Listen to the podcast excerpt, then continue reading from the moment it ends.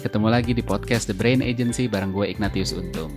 Selama kurang dari 10 menit ke depan, kita akan bahas segala hal seputar brand dan juga bisnis dari sudut pandang neuromarketing dan juga behavioral science pastinya.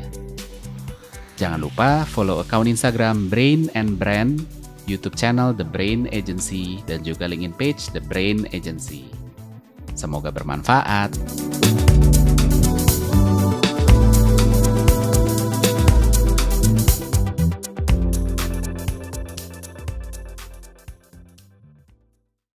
Hari ini kita ngomongin soal ini yuk, soal pain of paying gitu kan.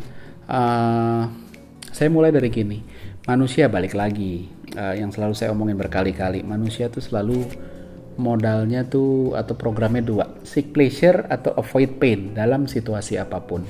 Dapat harga diskon, dapat barang murah, dapat barang bagus, itu adalah pleasure gitu ya. Dapat harga mahal, barang jelek, uh, susah belinya itu pain gitu kan. Nah menariknya adalah bukan cuma di produknya, bayarnya apa pun produknya ketika bayar bayar itu pain secara tidak sadar otak kita mentranslate itu sebagai pain gitu ya. Nah uh, contoh gini riset riset dari beberapa uh, dari sorry dari sebuah institusi di UK di Inggris itu menunjukkan bahwa restoran all you can eat yang bayarnya di depan sebelum kita makan itu cenderung untuk membuat orang waktu ngambil waktu all you can eat kan bisa ngambil bebas ya itu ngambilnya lebih barbar. Kenapa? Karena waktu dia bayar di depan pain ini di depan dia udah ngerasain waduh sakitnya dulu walaupun secara bawah sadar ya sakitnya dulu sehingga ketika dia sudah mulai makan uh, dia mau ngebayar itu mau dalam tanda kutip balas dendam wah udah deh saya ambil aja secara kalap gitu kan sebaliknya uh, restoran all you can eat restoran sejenis all you can eat juga yang bayarnya di belakang itu relatif orang lebih kalem gitu ya.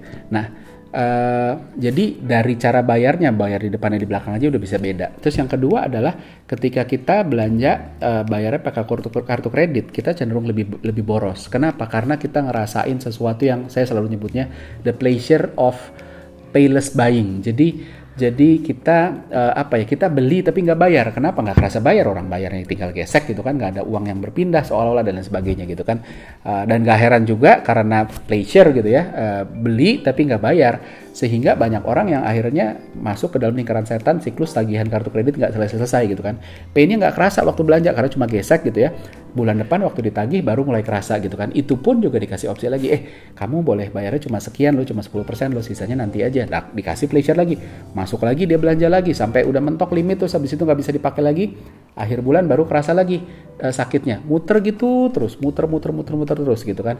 Yang awalnya pleasure of uh, payless buying berubah menjadi the pain of buyless paying gitu kan. Jadi sakitnya untuk membayar tanpa membeli kurang lebih gitu. Nah, painnya bayar ini sebenarnya mulai kelihatan ketika kita ngelihat dompet mulai nipis. Ketika kita bayar dompetnya tebal kita bawa terus ih kok jadi tipis uangnya jadi sedikit atau ngelihat uang pindah aja secara bawah sadar tuh otak kita aduh duit kita berkurang gitu ya. Saya punya pengalaman yang nyata. Jadi pertama kali saya beli apartemen, beli rumah waktu itu ya beli apartemen artinya properti gitu ya dengan harga yang lumayan buat lumayan buat saya gitu tahun 2012.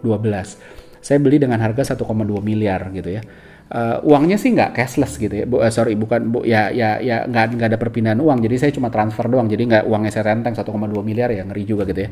Tapi kita mantep gitu ya belinya udah udah udah saya mau yang ini gitu ya. Harganya agak sedikit di atas rata-rata karena pasaran itu cuma 1 m. Cuma karena saya udah wah naksir banget nih. Buat saya nggak apa-apa deh 1,2 m. Ya udah saya ambil. Terus habis itu begitu mau transfer di bank dianterin dia tuh saya sampai udah nulis segala macam tuh saya diem gitu ya. Saya diem dulu ntar dulu deh saya boleh sebentar nggak gitu ya. Kenapa? Karena buat saya mulai ngerasa aduh ini duit carinya susah loh 1,2 m ya. Dan dan uang saya nggak banyak-banyak amat sisanya tinggal beberapa ratus gitu lah ya nggak sampai 1 m gitu ya. Not even uh, eh, 1 m setengah m aja nggak nyampe tinggal paling 100 sampai 200 gitu. Jadi mulai waduh kok kayaknya sakit ya. Nah jadi itu dia uh, prinsip yang sama. Karena pain karena sesuatu yang berhubungan dengan harga itu bisa sakit apalagi kalau ada value nya that's why makanya orang-orang sales itu nggak dikasih untuk buka harga di depan. Didorong untuk kasih ininya dulu apa namanya kasih value-nya dulu supaya harga uh, orang tahu value dari produk ini sehingga ketika harga dibuka orang nggak pegangannya cuma uh, di harga doang. Nah dari prinsip yang sama itu uh, banyak brand yang mulai nawarin nawarin dalam tanda kutip sebenarnya atas nama konsumen supaya untuk uh, apa uh, kesenangan konsumen kita mau kasih pembayaran cashless atau bahkan tunai walaupun tunai tapi bisa dicicil bertahap dan sebagainya.